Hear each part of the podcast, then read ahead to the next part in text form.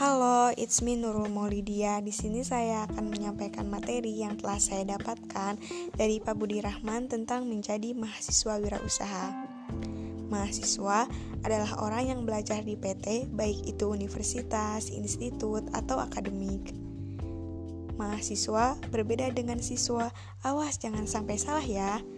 Siswa memikirkan lima hari ke depan, sedangkan mahasiswa harus memikirkan lima tahun ke depan tips-tips sebagai mahasiswa, yaitu harus mengikuti akademik, organisasi, dan melakukan refresh otak.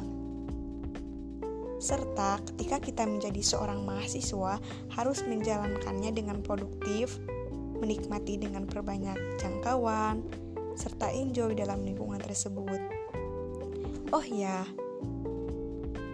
mahasiswa wirausaha tentu saja berbeda dengan mahasiswa lain karena dengan berwirausaha akan memunculkan percaya diri, berani mengambil resiko, mampu memimpin, berorientasi pada masa depan, berorientasi pada tugas dan hasil, serta mampu beraktivitas dan inovasi. Intinya, dalam berwirausaha jangan pernah malu dan juga jangan pernah gengsi. Sekian podcast yang bisa saya sampaikan. Sampai jumpa di podcast selanjutnya ya.